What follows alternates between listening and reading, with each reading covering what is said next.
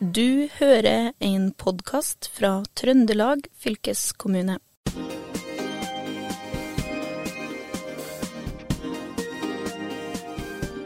Velkommen til eh, Fylkespodden. I dag har vi flytta oss til eh, Turnéteatret i Verdal, der de har en ny, spennende forestilling på trappene. Den har fått navnet Idiot, og bak det navnet skjuler det seg noe annet enn du kanskje skulle tro. Eh, stykket handler nemlig om hvordan en merkelapp kan endre et liv, og hvordan det er å være forelder når barnet ditt faller utafor. Et stort og viktig tema som jeg vil tro det er krevende å lage teater av. For å hjelpe oss med å fortelle om dette stykket, har vi med oss dramatiker og regissør Nina Wester og skuespiller Ingunn Øyen. Velkommen. Takk for det. Takk skal du ha. Og Kjetil, min medprogramleder. Hva tenker du når du hører 'idiot'? Ja, altså nå har jeg jo gått litt skole, så jeg har jo skjønt at det betyr Altså jeg, det betyr jo egentlig noen som er veldig dum, men jeg tror opprinnelig så kom vel det begrepet fra at man ikke visste noe om politikk. det var vel fra, fra Men uh, det er vel et ord som inneholder mye forskjellig, og kan sette i gang mange følelser, tror jeg. Mm, mm. Mm. Og stykket her handler jo om å falle utafor det normale, i hermetegn. Og nærmere bestemt barn da, som har gått på spesialskole eller abnormskole. Eh, og det er en skole som har ligget på Røsta i Levanger. Og Nina Wester, kan ikke du først forklare hva, er, hva var egentlig en abnormskole? Ja, det var jo i 1903 så bestemte staten at man skulle ha skoler som også var for barn som hadde ulike handikap, da, mentale handikap. Og Da bestemte man eh, at det skulle ha en spesialskolelov, og da oppretta man tre spesialskoler i Norge. Eh, og statens abnormskole lå da på Levanger, på Røsta. Og Dit sendte man barn fra hele Midt-Norge og Finnmark og Troms eh, for å gå på skole og bo på internat. Først var det bare gutter som var der, men etter hvert så var det også jenter som kom dit. Og klart at Ordet abnorm i dag er jo et ganske absurd begrep å bruke, men det var det man syntes da. Så har det jo vært endring i det begrepet. Evneveike, åndssvak osv. Og, og så kom det etter hvert et begrep som heter for utviklingshemma. Sånn at det handler om barn som har falt utafor på ulike måter. Mm. Hvordan uh, kom man dit? Hva, hva, hvem var det som bestemte at man uh, måtte dit? Det har jo endra seg opp gjennom tida, vært en veldig sånn utvikling. Um, man skal huske på at dette var jo en tid hvor det ikke fantes noe barnevern og sånne type ting. Men i starten så var det jo skolestyrerne i kommunen som tok den beslutninga. Um, og da hadde man jo et annet uh, autoritetsforhold til skolen, så da bestemte jo skolestyrene at barnet skulle sendes dit, og sånn var det. Um, så, men etter hvert så var det jo kanskje liksom dialog med foreldrene. Det som var viktig, var jo at liksom barna var, hadde mulighet til å lære. At de var liksom lærevillige på ulike måter. At de ikke på en måte var for funksjonshemmet at de ikke kunne lære. Men det er jo et veldig vidt begrep. da, uh, Og det ble ikke gjort noe testing. Medisinsk testing gjorde man ikke på den tida. Så det var jo litt uh, ja, ut fra hva man definerte barnet som. Da. Det er veldig lett å definere noen som idiot, f.eks. om man ikke klarer å skrive. Og det fantes jo ikke uh, dysleksidiagnoser på den tida. Sånn at um, Ja, det var veldig mange ulike årsaker til at man ble sendt dit. Mm. Og du har jo gjort uh, veldig mye research for å lage det stykket her. Uh, hva var grunnen til at du valgte å sette i gang? Det var egentlig ganske tilfeldig. Jeg kommer fra Namsos, um, og der møtte jeg ei dame som um, hadde bodd på Røsta um, på slutten av 50-tallet. Uh, når hun begynte å fortelle meg sin historie, så ble jeg veldig nysgjerrig på å vite mer om den skolen. Uh, og Da tok jeg kontakt med andre som hadde gått der, og fikk høre deres historie. Det var jo mange av dem som hadde hatt det veldig vanskelig der. Og Det som flere kommenterte, var jo det at de, ikke, at de hadde blitt sendt dit uten grunn. At de hadde blitt kalt idioter uh, og tilbakestående evneveike. Men at de ikke var det nødvendigvis. Da. Og at de opplevde det som veldig et overgrep å komme dit da, på ulike vis. Eh, og Det som jeg har sett etter, det er jo det at eh, det var jo veldig mange ulike mennesker som ble sendt til Røsta. Det var liksom alt fra mennesker som hadde hjerneskader og det som vi i dag vil kalle for autisme, kanskje, til at du hadde dysleksi og kanskje bare var treg til å lese. Så det var et veldig sånt vidt begrep. da, Veldig sånn brei gruppe barn som ble sendt dit. og Da kan man tenke seg sjøl å ligge på sovesal med noen som kanskje har en hjerneskade og tisser på seg og roper over elg hele natta. Og, så det var ganske Ja. Det var veldig mange forskjellige eh, barn, det her da, og de kom fra hele landet? Nei, de kom fra Finnmark og eh, Altså nedover, da, kan man si. Ja. Eh, men de bodde jo på, på internat. 25 eh, barn på hver sovesal. Eh, og de reiste bare hjemme når det var jul og sommer og vinterferie og sånn. Og mange av dem som bodde nordpå, reiste ikke hjem i det hele tatt. Sånn at, uh, men på den tida, så, og det skal man huske, at dette var jo en periode hvor man jo trodde på dette med at staten skulle ta ansvar for barn som var annerledes. Uh, og at det var statens ansvar å ta omsorg for barna. Og da skulle de bo på statlige institusjoner. Det var det som var det rette på den tida. da. Um, så det at man ble skilt fra foreldrene sine, det var liksom sekundært. Men klart at for barna så var jo det det tøffeste antar jeg. Det å bli sendt vekk eh, bort fra familien sin og bo med helt fremmede mennesker. Mm. Mm. Og den uh, skolen her, den typen her, det, den eksisterte helt fram til starten av 90-tallet?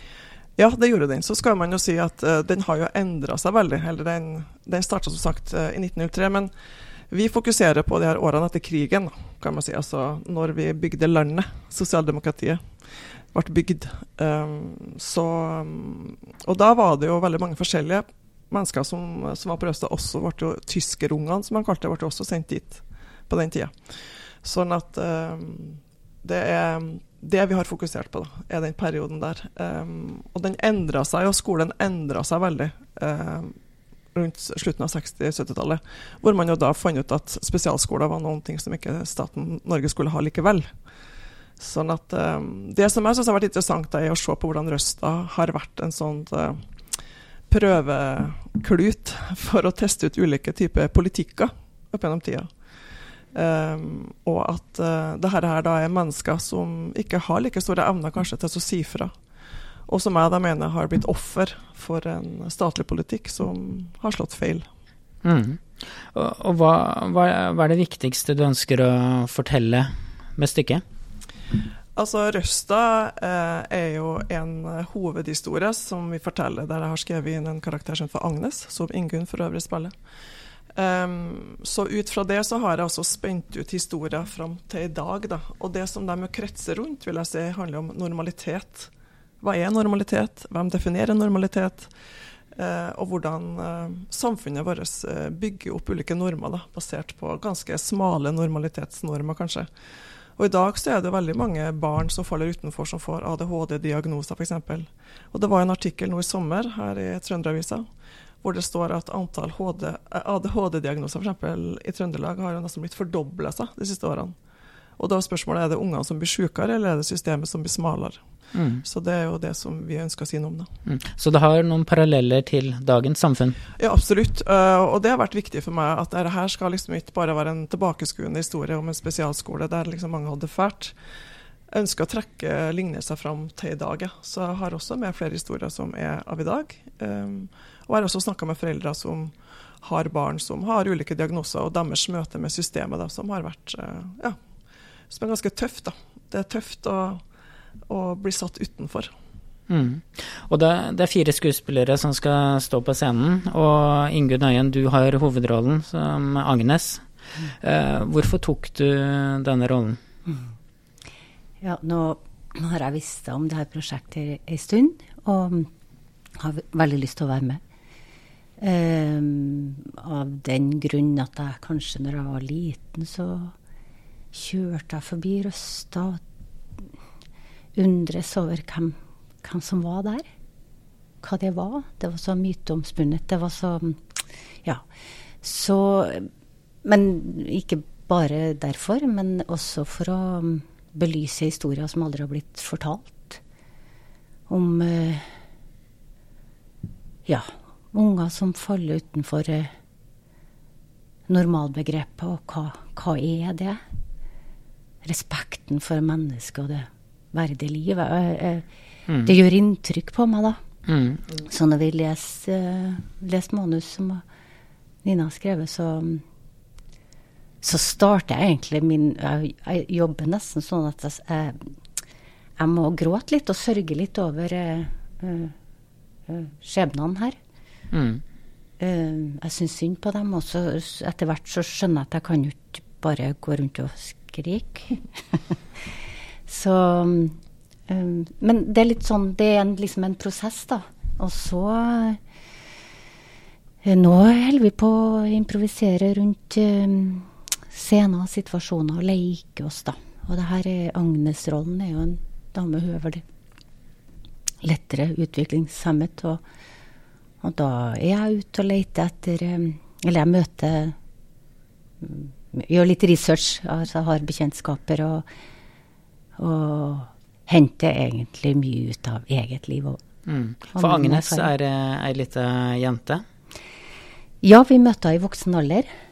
Eh, som eh, også er det et tilbakeblikk fra eh, livet på eh, en gård eh, i, i Grong. Og så er det um, oppvekst, ja. Og til da får ha problemer på skolen. Mm. Vanskelig å henge med. Mm. Har det vært krevende å sette seg inn i den rollen? Du sa jo at du gråt litt. Ja, ja, ja da, man gjør jo det. Det er jo Eller vanskelig. Det er veldig spennende, syns jeg. Og så blir, blir drivkraften det å få lyst til å fortelle denne historien. For jeg tror at uh, det her blir uh, veldig bra. Jeg tror Nina er en uh, veldig super dame som setter liksom søkelyset på viktige temaer som ikke har blitt fortalt mm. før, eller nok, da. Mm. Det har jo vært en del saker om de som har søkt erstatning og ikke fått det, og så har det ikke kommet noe unnskyldning heller. Mm. Eh, det blir kanskje også et tema i, i forestillingen? Ja, altså, en, altså De her personene som er i stykket, har jo jeg dikta opp. De er jo inspirert av virkelige mennesker, men det er jo oppdikta. Men det er en karakter i stykket som er Torebjørn Skorstad. Uh, han levde jo. han døde i 2020. Uh, og han ble jo, mente han da var feilplassert. Han ble sendt fra Skogn til til Røstad når han var tolv år, eller på slutten av 50-tallet. Um, og um, han stilte Levanger kommune til veggs da, uh, mange år etterpå, uh, og ville ha erstatning for at han var feilplassert. da. Um, og Jeg intervjua Torbjørn en uke før han døde. Og det siste han sa uh, før jeg gikk ut der, det var at du må fortelle historien min. Så det gjør vi nå. og han er på en måte en karakter som også går gjennom hele stykket, da, kan man si. Men som er den som på vegne av dem alle forsøker da, å ta et oppgjør med staten eh, mot slutten. Um, sånn at det har vært veldig spennende og litt skummelt også å jobbe med en person som, som jo har faktisk uh, funtes. da.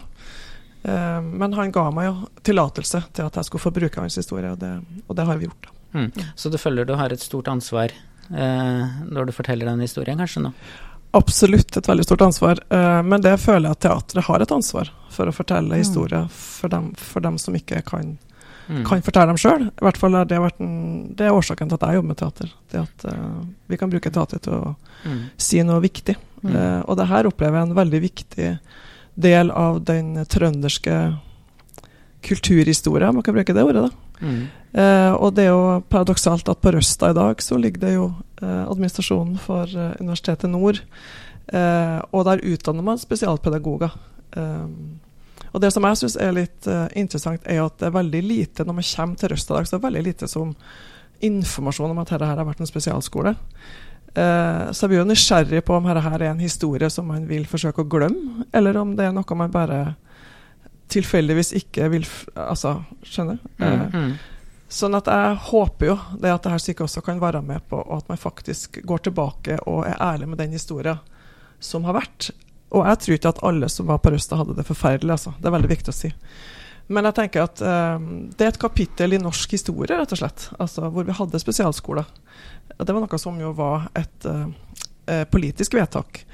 Men å se på hva det gjorde hva det førte til. Det tenker jeg er vår plikt da, som uh, medmennesker i samfunnet vårt. Mm. Hva tenker Levanger kommune om at du har skrevet et stykke her? da? Det vet jeg ikke, det har jeg ikke spurt dem om. uh, men de er jo uh, Det finnes jo mange kommuner, de er jo et eksempel. Det finnes jo mange kommuner rundt omkring uh, i Norge som har hatt lignende saker. Um, sånn at Men det er jo klart at det er jo vanskelig, ikke sant? Uh, og for at veldig mye av de tingene er jo ikke dokumentert. Um, og så som når gjelder uh, Torbjørn, da, så var jo veldig mange av de papirene for fra Røsta den gang ut, uh, fantes ut lenger. Sånn at, um, og for mange så kan det jo føles sånn subjektivt at man har opplevd at man har vært utsatt for liksom, overgrep. At man ikke på en måte beviser nok. da. Men uh, for han så hadde jo fått den følgen at han uh, eh, skamma seg over at han hadde vært der, og han uh, hadde ikke noe vitnemål. Så når han forsøkte å få seg jobber, så ville han ikke at han skulle stå at han hadde gått på tullingskolen på Røsta, som de kalte det. Mm. Um, så for han fikk det veldig store konsekvenser resten av livet hans. da. Og selvfølgelig også i forhold til sjøltillit og bildet av seg sjøl. Mm. Men han fikk seg jobb? Absolutt. Torbjørn han fikk seg jobb, og han var tillitsvalgt i LO, han var bilmekaniker. Og, så han klarte seg godt uh, i livet sånn sett. Men han følte ikke at han fikk den boklige uh, lærdommen som han hadde behøvd. Um, og han hadde nok fått diagnosen dysleksi, da, om det hadde eksistert den gangen. Mm. Veit du noe om hvordan det har gått med de andre som gikk på Røsta? Altså Nå foregår det faktisk et, eh, et eh, forskningsprosjekt som er leda fra Nord universitetet, der man skal forske på akkurat det. Um, hvor man skal snakke med mennesker som gikk på ulike spesialskoler da, uh, i Norge, deriblant Røsta. Men det er klart at dette er jo, er mennesker som, er en, uh, som jo nå begynner å bli gamle, så det er viktig å få snakka med dem fort. skal jeg si. Um, så det kan man egentlig ikke si så mye om. Um, men jeg tenker dem som jeg har snakka med, um, dem har syntes at det har vært veldig vanskelig. Uh, fordi at av, av, ulike årsaker, da. Uh, men midt i faktisk skam. Og jeg gikk ut og meg Jeg gikk ut i, i avisene og ønska meg flere jeg skulle snakke med. Og da var det faktisk ganske mange som ringte til meg og sa at jeg har gått på Røsta, men jeg vil ikke snakke om det, for jeg vil ikke mm. at folk skal vite at jeg gikk der. Så for den generasjonen så var det nok skambelagt, da. Og man snakka om det på en annen måte enn man gjør i dag. Mm. Men har du brukt de historiene, uh, for de som ikke ville stå frem, har du brukt dem anonymt inn i ja, det har jeg. Ja, mm. Så jeg har jo putta alt oppi en gryte og rørt rundt. Og så har jeg eh, skapt karakterer, da. Mm. Ut ifra det. Mm. Mm. Men hva, hva satt du igjen med da når du fikk høre alle de historiene? Ble du ja, nesten deprimert? Nei, jeg vet ikke, jeg var deprimert. Altså, jeg var mer det at jeg ble sånn kamp, kampklar, skal jeg si. At uh, nå er det på tide at deres stemmer blir hørt, at de får få snakke. Um, og at um, de får si hvordan de opplevde det, og at det subjektive, blikk, subjektive opplevelsen får plass. Men så var jeg også veldig interessert i det, i det politiske. da. Altså, Etter krigen så skulle vi bygge velferdsstaten. Og um, det var store vyer. Og, altså, Norge har jo vokst enormt etter krigen. Um, men også da se på hvordan de her menneskene har vært som sagt, prøvekaniner for ulike reformer. Um, som jo ikke nødvendigvis har vært så heldig. F.eks. HVPU-reformen som kom, som jo fortsatt er en del av den norske staten. Uh, den viser seg nå ikke fungerer så bra likevel. Så nå kommer det kanskje en ny reform igjen. Sånn at uh, jeg syns man skal begynne å snakke på en annen måte om menneskeverd. Og jeg syns at uh, vi skal begynne å snakke litt enda mer om hvorfor vi er så opptatt av at vi skal reforme hele tida. Mm. Og hvem er uh, målgruppen for stykket? Hvem uh, håper du kommer og setter seg i salen på de 20, rundt 20 spillestedene dere skal? Nei, Jeg håper jo at det er et bredt publikum, for jeg opplever at, at forestillinga er til for et bredt publikum. For ungdommer og for voksne og godt voksne. Um, for den spenner over en ganske stor tidsperiode altså fram til i dag og tilbake til 50-tallet. Sånn at jeg tror at veldig mange vil få utbytte av å se denne forestillinga. Og noen vil kanskje kjenne gjenkjennelse for at de kanskje kjenner til røster. Mens eh, foreldre av i dag som er, har unger i skoleverket, som eh, ja, har erfaring med ja, normalitetsbegrepet, da, vis. Mm. Eh, altså alle berører vi oss jo av det. Eh, sånn at jeg tenker at eh, hvem er normal, egentlig? si det. Og det er jo en del unge som skal se stykket, for det er en del av uh, den kulturelle skolesekken. Og Kjetil, du, du har jobba mye med det. Hvordan tenker du at uh, et sånt stykke vil passe inn der? Ja, det, altså det høres jo utrolig uh, flott ut. Jeg må jo si først at uh, vi er glad vi har Turneteatret i, i, Trøndelag, som jo faktisk nå har opparbeida seg en fast rute i hele fylket. Med 20 spillesteder overalt. Fra Lekka opp i nord og helt ned til Røros.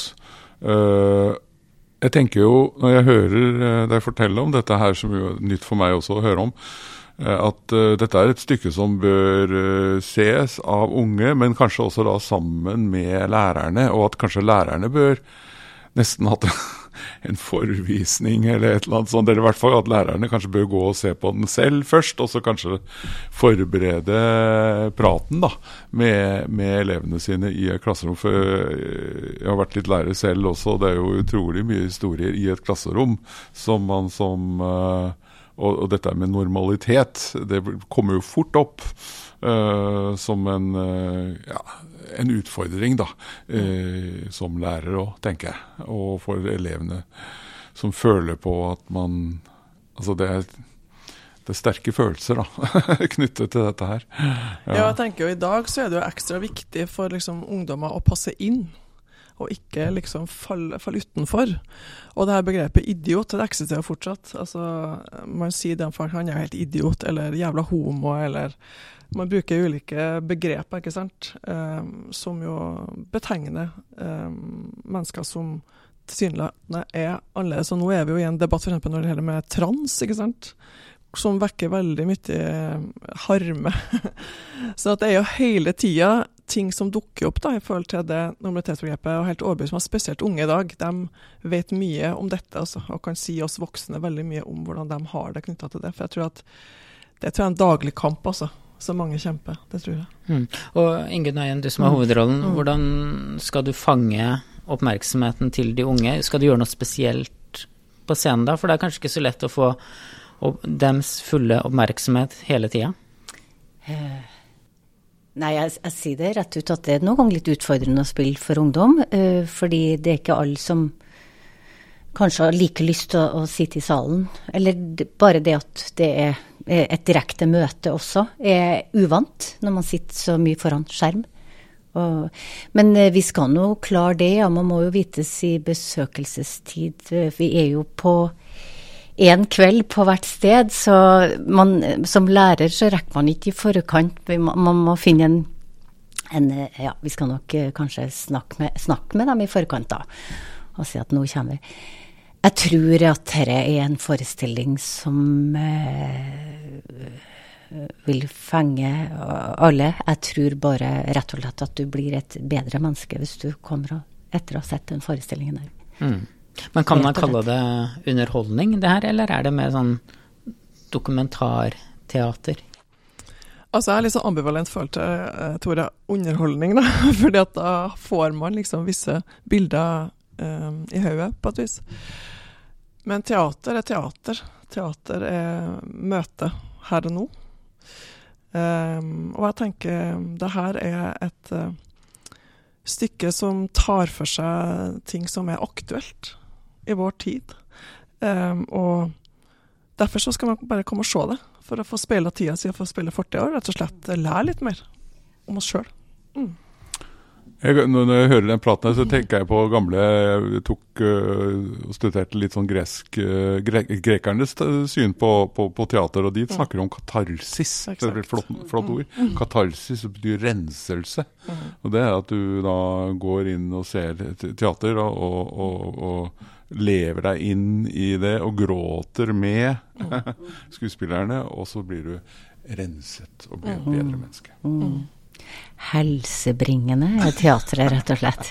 Ja, det høres bra ut. Og det er uh, premiere her på Turnéteatret i Verdalen 27.9. Og så skal det spilles uh, da ca. 20 steder i Trøndelag, og turnépremiere er på Støren. Og det er bare én forestilling på hver plass. Det stemmer. Mm. Så det er liksom én mulighet, da. Det er en mulighet, ja. uh, så jeg vil anbefale folk sterkt å besøke den plassen som de er nært, å komme dit. Det vil jeg mm. virkelig anbefale. Så kan man godt hende at man blir provosert. Det kan godt hende at man blir forbanna eller trist eller syns det er helt uinteressant. Men uh, uberørt. Det skal jeg love. Det blir man ikke. Mhm. Ja, og med de orda så sier eh, fylkesbåten takk for seg. Det var Nina Wester og Ingunn Øyen som eh, var gjester her i dag. Og eh, mitt navn er Håvard Seiner, og Kjetil Hustad, min medprogramleder her. Vi høres. Du har eh, hørt en podkast fra Trøndelag fylkeskommune. Hør flere episoder på Spotify eller trondelagfylket.no. Anno.